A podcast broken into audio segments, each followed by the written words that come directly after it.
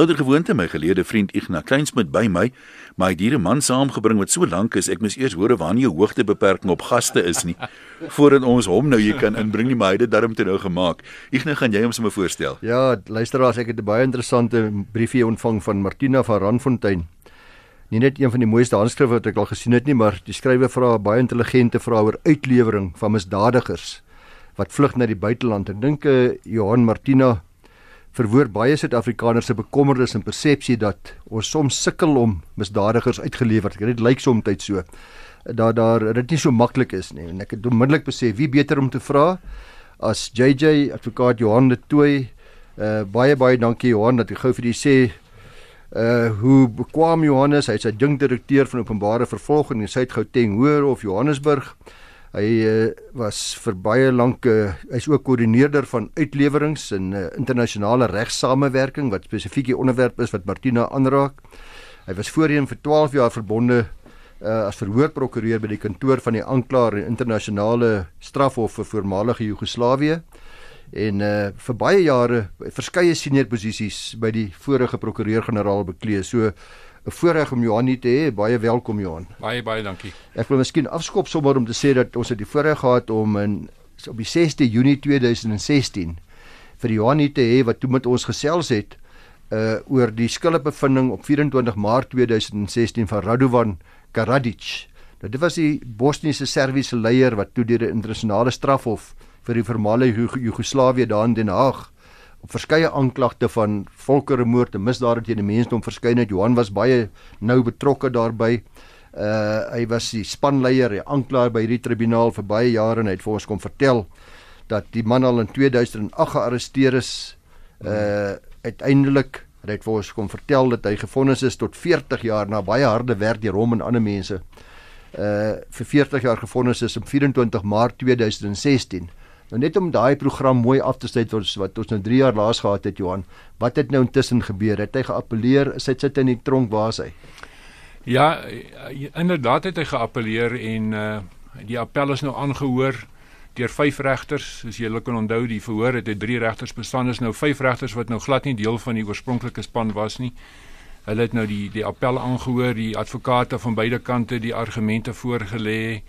En ons het nou uh, interessant net laasweek gehoor dat die uitspraak nou op die 20ste Maart uh, van hierdie jaar gelewer gaan word. So daai boek sal nou ook nou finaal toegesluit word uh, wat Radovan Karadzic aanbetref. Sy uh, Rad, Radko Mladic wat sy die militêre bevelvoerder was uh, wat ook skuldig bevind is.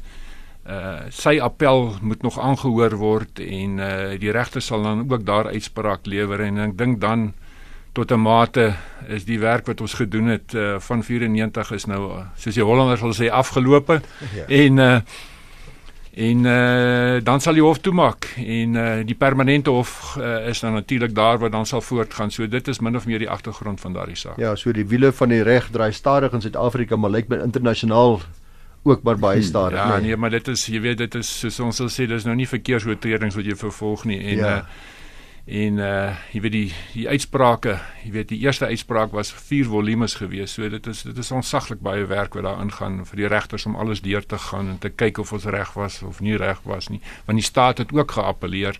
Ons het gevra dat hy moet lewenslank kry, nie net 40 jaar nie. So jy weet daar is appelle van beide kante en en dit moet ook aangehoor word. Ja. Johan Martina sê dat ons hoor gereeld van hoë profiel vermeende misdadigers wat vervolging in Suid-Afrika vermy deur uit Suid-Afrika te vlug. En natuurlik vice versa ook, ander lande weer na Suid-Afrika toe te vlug. Hulle kies dan gewoonlik 'n land waar hulle voel uh, hulle gevrywaar is teen Suid-Afrika se vervolgingsgesag, waar hulle veiliger voel, wat hulle voel hulle hmm. makliker gaan wees. En dit veroorsaak soos hy sê dikwels frustrasies by ons gewone Suid-Afrikaanse burgers wat nie kan verstaan dat hulle op hierdie manier wegkom vir ver, vervolging vryspring op hierdie manier nie. Uh, en baie keer vir sommer vir baie jare ook in 'n uh, so, soos ek vir gesê het Johannes baie nou betrokke by die hantering en uitlewering hmm. van sake binne die Suid-Gauteng area van die Hooggeregshof. Uh ons het onlangs gelees dat Suid-Afrika 'n verdrag gesluit het met die Arabiese Emirate. Uh veral omdat die Guptas, dis die dis die een ding wat ons altyd wonder wanneer gaan die Guptas terugkom. Hmm. Uh veral met die Guptas nou bewering daar woonagtig is. Is 'n verdrag nodig is ook 'n aansoek vir uitlewering wat gedoen moet word. Hmm. Vertel bietjie vir ons wat waar staan ons daar? Ja, dit dis 'n baie goeie vraag. Jy weet, ek dink mense kan uh kan frustreer word dat dit so lank vat. Net net 'n kortliks net 'n bietjie agtergrond hoe dit in die praktyk werk. Lande sluit gewoonlik verdrae met mekaar. Jy weet, uh, ons het byvoorbeeld verdrae met baie lande in van, van 1994 af, af al onder die presidentskap van president Mandela en president Mbeki. Het Suid-Afrika ontsettend baie verdrae met ander lande gesluit. Ons het byvoorbeeld nie net verdrae met lande gesluit. Ons het ook 'n uh, uh, uh, verdrae gesluit byvoorbeeld die SADC lande. Dit is 'n groep lande wat in die SADC groep is bestaan en ons het ook daar verdrae gesluit. Dan het ons ook gegaan byvoorbeeld die die Europese verdrag op uitlewering wat 'n verdrag is wat in Europese lande gesluit is. Het Suid-Afrika was die enigste land buite uh Europa wat van Afrika wat ook daai verdrag gesluit het. So so so werk lande met mekaar om om verdrae met mekaar te sluit wat hierdie ooreenkomste dan uh, in 'n verdrag ingesluit word wat die lande ingebonde in is. Nou ten opsigte van die van die Gupta se sake, dit word nou nie deur ons kantoor behartig nie, maar in beginsel werk dit so. Omdat hy in 'n gebied is waar daar nie 'n uitleweringsverdrag is nie. Dit verhoed jy om nie vir uitlewering te vra nie. Jy kan dit nog steeds vra, maar dan is dit eintlik meer 'n politieke besluit. Want onthou nou net, omdat daar nie verdrag is nie, moet die president van die land of die persoon wat in hoof is van hulle central authority soos dit nou noem, moet nou instem. Ons het ons het byvoorbeeld nou die dag 'n geval gehad van iemand van Uganda wat na Suid-Afrika toe kom. Uh waar hulle ons gevra het vir uitlewering. Nou ons het nie verdrag met Uganda nie. So ons moes nou eers na die staatspresident toe gaan. Die staatspresident moes na die ding kyk en sê ja, ons ooreenkomste is goed tussen Uganda en dit julle kan voortgaan. So dieselfde geld met met met met andersom as jy nou van 'n ander land toe gaan dan dan moet daar eers 'n politieke besluit geneem word of ons kan saamwerk en as dit geneem word dan kan die proses eers begin. So dis 'n bietjie van 'n langer hmm. proses. Hmm. Maar nou dat ons 'n verdrag het met die met die mense uh, kan kan daardie aspek baie vinniger beweeg uh, om voort te gaan. Jy praat van uh, die geval waar daar geen verdrag is nie, waar daar wel 'n verdrag is, maar kom ons kom net by daar waar daar wel 'n verdrag is. Die departement van justisie is hierdie sentrale punt, nê. Nee. Hulle ja. hulle hanteer hierdie ding en daar's 'n wet betrokke ook. Ja. Ja, ons ons het 'n uitleweringswet wat geld en soos jy reg sê die die departement van justisie is die sentrale uh authority as ek dit of die ja. um, wat hierdie aspekte hanteer. So as as ek nou byvoorbeeld nou geval noem, sê maar vat nou die die uh, potensieel die Guptas. Dan sal uh, die polisie na ons toe kom, hulle sal vir ons vra, hulle wil hulle hulle wil die man uitlewer, dan word 'n dokument opgestel wat deur die direkteur van uh, van die openbare vervolging in die gebied geteken word. Dan gaan dit na ons nasionale kantoor toe. Van ons nasionale kantoor gaan dit na die departement van justisie toe wat wat al hierdie aansoeke wat inkom en uitkom uit Suid-Afrika uh hanteer. En dan wat hulle dan doen, hulle stuur dit dan na ons departement van internasionale betrekkinge toe en van daar af gaan dit na ons ambassadeur toe en dan word dit aan die land oorhandig. So jy kan sien dit is nogal 'n bietjie van 'n 'n lang proses, maar dit is maar in die praktyk hoe lande met mekaar kommunikeer, maar alles gaan deur die departement van justisie mm. wat inkom en uitkom.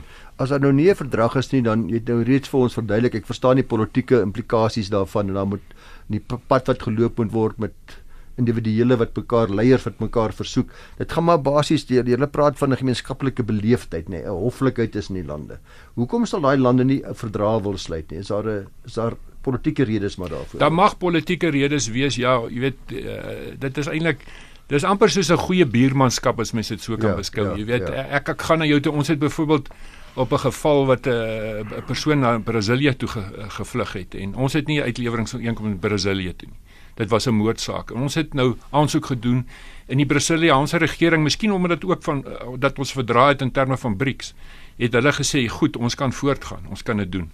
So jy weet dit is maar lande partykeer jy, jy weet lande voel daar's miskien 'n politieke insident wat plaasgevind het of hulle voel die hmm. persoon sal nie regverdige verhoor kry nie ja. of daar's die doodstraf wat betrokke is in baie lande wat baie sensitief is daaroor.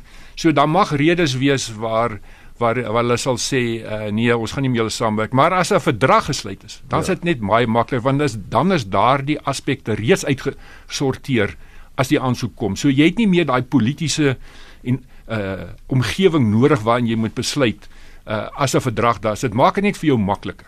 Dan dan vra ons luisteraar hier, hoe werk die proses in die hof as 'n persoon byvoorbeeld in Suid-Afrika gesoek word? Mm. Die hofproses self.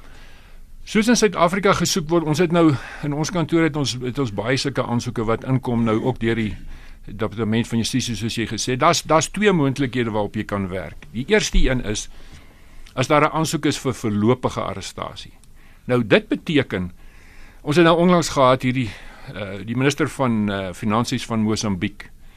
Op Kersdag uh, kry ek 'n oproep van my kollegas in Amerika en sê hulle het inligting dat hierdie man uh, vlieg van Maputo na Oliver Tambo en hy van daar af gaan hy Dubai toe en hulle het om as gevolg van die dringendheid daarvan het hulle vir ons gevra of ons die man kan arresteer op die lughawe.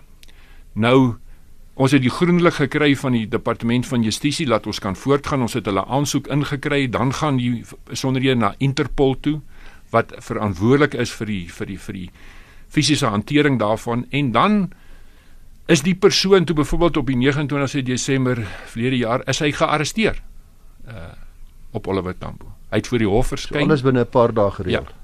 Maar dit is dit is 'n geval waar dit nou werklik dringendheid is. Ons het baie sulke gevalle mense skielik jy die man is op die vliegtyg ons nou die dag een weer van Holland gekry Nederland wat dieselfde ding was. Maar die verskil is net die finale dokumentasie moet dan binne 'n sekere tyd gestuur word deur daai land. Kyk, ons het hom nou voorlopig gearresteer, het vir ons min of meer 'n lasbrief gegee, het vir ons gesê waaroor dit gaan, maar die volledige stuk het nog nie gearriveer nie. Maar maak jy daai roep dat of moet 'n landros daai roep maak? Die landros maak daai roep, maar die die verdrag sê dat dit hang af van die verdrag. Jy weet met Amerika is dit 60 dae, met SADC is dit byvoorbeeld 30 dae, ander lande is dit minder. So elke verdrag het 'n klousule in wat sê As jy daardie persoon voorlopig arresteer, moet die finale dokumentasie wat jou saak uiteensit, moet dan binne 'n sekere tyd na daai land gestuur word. Anders moet ons hom vrylaat. Maar maar kan julle politieke hoof kan die minister dan ook sê en sê sorry, julle moet nie voortgaan nie. Ja, hy hy kan, hy kan want onthou nou net as as die voorlopige arrestasie inkom en die lasbrief word uitgereik deur die landros, dan word die minister in kennis gestel. Nou die minister in terme van die wet kan eintlik basies twee goed doen. Hy kan vir ons sê julle kan voortgaan. Ons wag nou vir die finale dokumente om te kom of hy kan sê julle moet stop. Ek wil nie julle moet verder voortgaan nie. Dit het dit het nog selde gebeur, maar hy hy kan by magte doen. Dit is nou die een manier soos ek gesê het. Nou die ander manier is wat daar nie dringendheid is nie. Jy kry die die aansoek deur uh deur die departement van justisie waar hulle byvoorbeeld vra hierdie persoon moet gearresteer word. Ons weet nog nie mooi waar hy is in Suid-Afrika nie. Jy weet hy sê hulle sê byvoorbeeld hy is in Johannesburg, maar Johannesburg is 'n groot plek. So uh, ons vra dan inligting na die land toe. Kan julle vir ons bietjie meer besonderhede gee oor waar daai persoon is? En dan gaan dit weer na Interpol toe en hulle kyk wat gaan aan. Hulle kyk na die adresse. Die minister gee ook dan vir ons toestemming as die man gearresteer word, kan jy voortgaan. En dan as die Interpol die persoon byvoorbeeld in die hande gekry het, dan bring ons hom ook voor die hof, maar dan is die finale stukke alreeds hierso. En, en dan gaan ons nou maar voort en ons ons ons daar's twee goed wat jy eintlik moet doen as as die saak vir jou kom as jy nie, voor die landros verskyn. Die eerste een is is eintlik ooglopend dat jy moet bewys dat dit dit die persoon voor is inderdaad die persoon wat gesoek word. Dit gaan oor identiteit van die persoon. En dan die tweede een daar moet redelike getuienis wees wat die persoon verbind met die misdaad. Onthou net, dit is nie 'n verhoor nie. As jy sê redelik jy van prima facie. Ja, redelik maar prima facie soos ons dit nou maar ken. Ja. So uh uh dit is nie 'n verhoor nie, maar daar moet 'n ten minste getuienis wees. Mm, mm. Uh jy weet laat ons nou nie jy weet met iets te doen hê wat nie reg is nie en die minister kyk ook gewoonlik daarna en dan uh kom die persoon hy kan dan ook getuienis lê ensovoorts ensovoorts maar die belangrike ding is net om om om om om aan te toon dat daar wel prima facie getuienis is wat hom verbind met die misdaad en dan op daai twee gronde maak die landers dan 'n bevinding. Goed. Ja. Dan is daar 'n tweede proses wat volg. Wat dan gebeur is dat die landros maak 'n bevinding, hy's byvoorbeeld uitlewerbaar. Ja, hy kan ook geappeleer word. Jy weet die normale appelprosesse geld, maar dan gaan dit na die minister van justisie toe. Okay.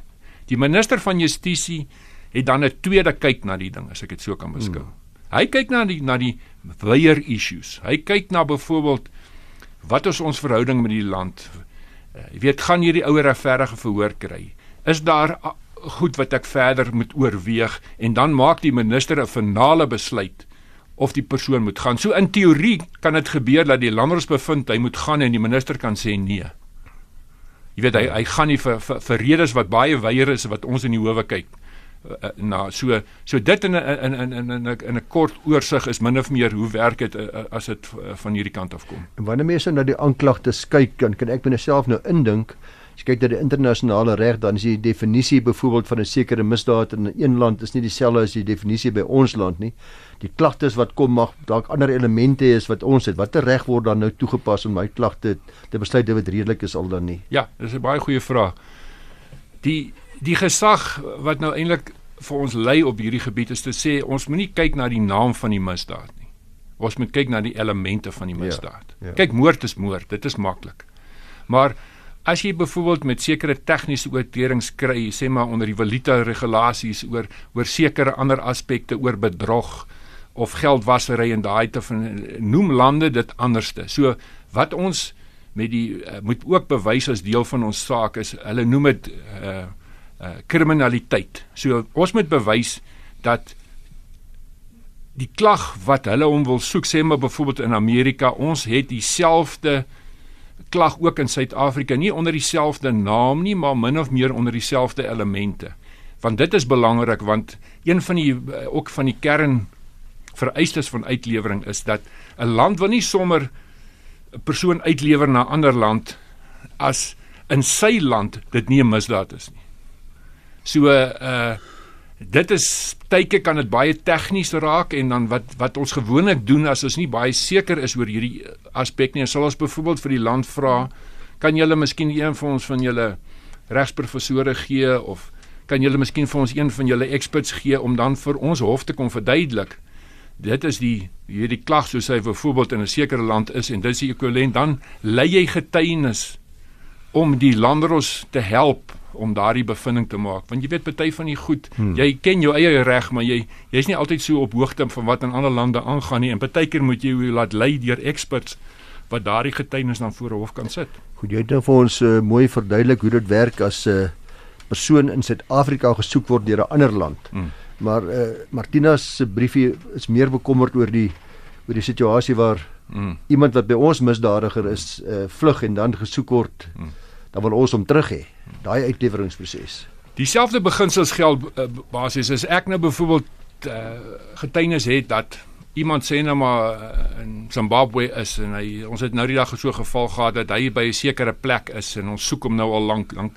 Dan kan ek ook voorlopige arrestasie vra van my van ons kant af deur die deur die departement van justisie en deur Interpol en dan kan ons Ons het 'n lasbrief, ons gewoonlik 'n klagstaat en dan kan ons daardie persoon arresteer op 'n baie uh, vinnige manier en dan soos ek reeds verduidelik het, dan moet die volledige dokumente net binne 'n sekere tyd gaan. Maar ek dink wat uiters belangrik is wat 'n mens moet begryp is dat as jy aansoek doen vir uitlewering, moet jou saak volledig ondersoek wees.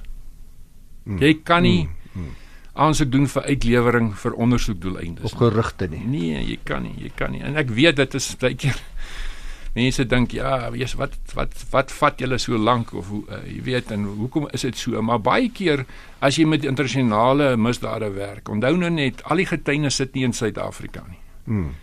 Jy moet nou ook baie keer aansoek doen om daai getuienis van 'n ander land te kry. Sê net maar daar's geld oorgeplaas van Suid-Afrika sê na Amerika toe. Nou deel van wat jy moet bewys is dat daai geld inderdaad in Amerika geland is en wat het met daai geld gebeur. So voor jy nou eintlik jou saak kan begin, moet jy daai getuienis uit Amerika of in ander lande kry om daardie deel van jou saak ook toe te maak as ek dit so kan beskou. Ja, so dit vat ongelukkig ook tyd, jy weet, en uh dieselfde beginsels geld ook. Party lande het ons verdra, ander lande het ons ook nie verdra nie. So dit vat baie keer tyd veral as jy moet uh onthou nou as jy uh, as jy na Arabië toe gaan, dan moet jy dit in Arabies vertaal. Jy weet jy kan nie vir hulle Engels stuur nie.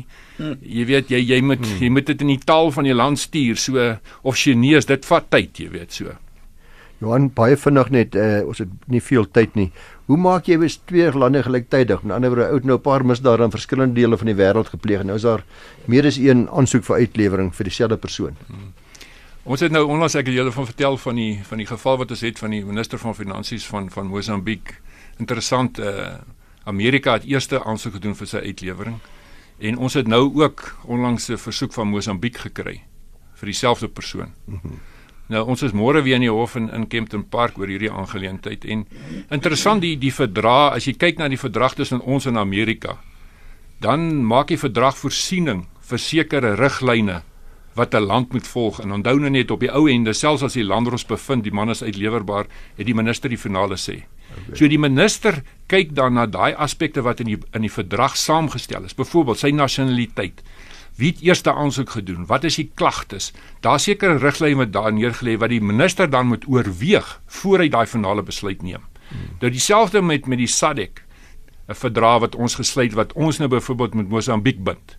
SADC het ook in hulle uh, verdrag sekere riglyne neergesit om vir hierdie geval voorsiening te maak. So op die ou ende sal die minister kyk na baie beide lande se belange en hy sal moet 'n besluit neem in lig van die van die riglyne wat vir hom gegee word in die verdrag, het sy die Amerikaanse verdrag of die SADC verdrag om dan finaal tot 'n besluit te kom.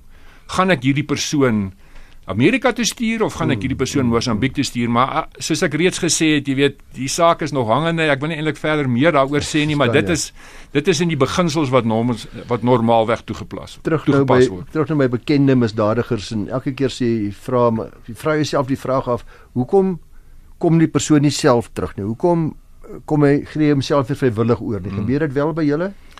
Ja, ek moet sê dit nogal die, die so rukkie terug, jy het miskien in die koerante gelees daarvan van hierdie vrou wat in Denemarke was sy daar gewerk vir vir vir 'n departement daar en sy het oor 'n tydperk van jare is daar 'n ontsettende klomp geld oorgeplaas. Oh, ja, ek het dit gesien, ja. Van van van van Denemarke na Suid-Afrika toe.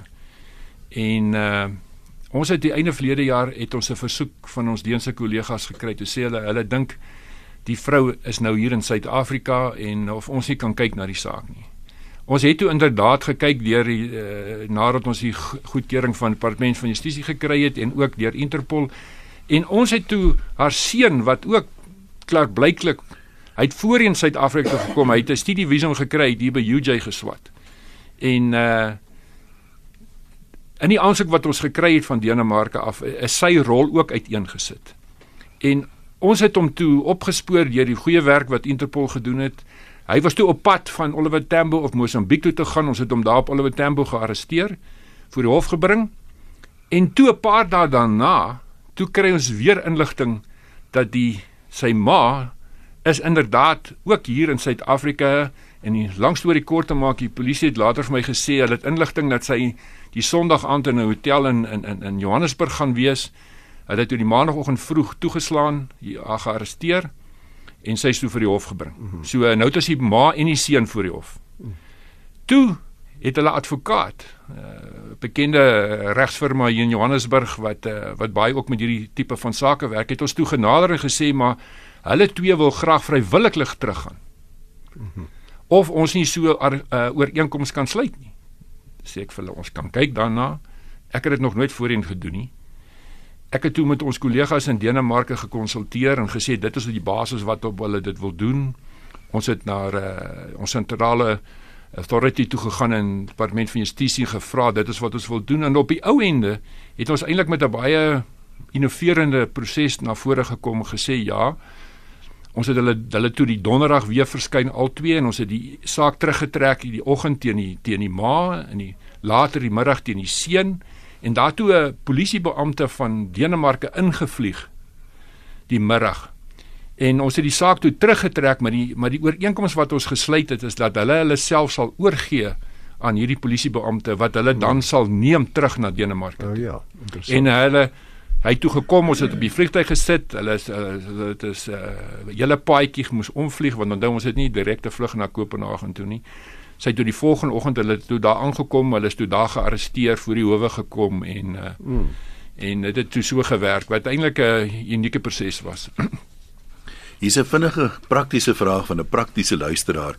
As dan nou soos vliegtuigkaartjies gekoop moet word om iemand uit te lewer en terug te stuur, wie betaal vir daai kaartjie? Gewoonlik- die land wat hom wat hom soek of die land wat hom stuur. Ja, nee, dis 'n goeie vraag. Nee, dit gewoonlik die land eh, soos in die geval van Denemarke eh, het die Deense regering daai kaartjies betaal. Vinnige vinnige vraag hier Ja.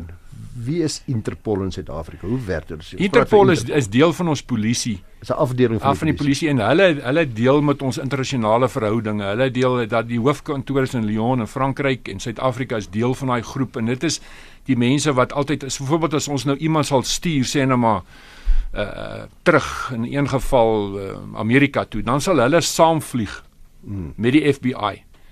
Daar's gewoonlik een links, een regs, een agter, so daar's gewoonlik 3 wat saamgaan en hulle maak seker dat daai persoon wat op die vliegtyg is inderdaad in die land aankom. En hulle hulle help ons ook om die persone op te spoor en alles so hulle hulle hulle verdien 'n kardinale funksie en hulle is regtig baie effektief in in Suid-Afrika. Ek dink dis al waarvoor ons gaan tyd hê. Ek wil vir jou sê baie dankie Johan, baie interessant soos altyd. Hoopelik kan ons in die toekoms weer met jou gesels. Ek nou ek en jy is alleen terug volgende week met nog vrae van luisteraars. Ja.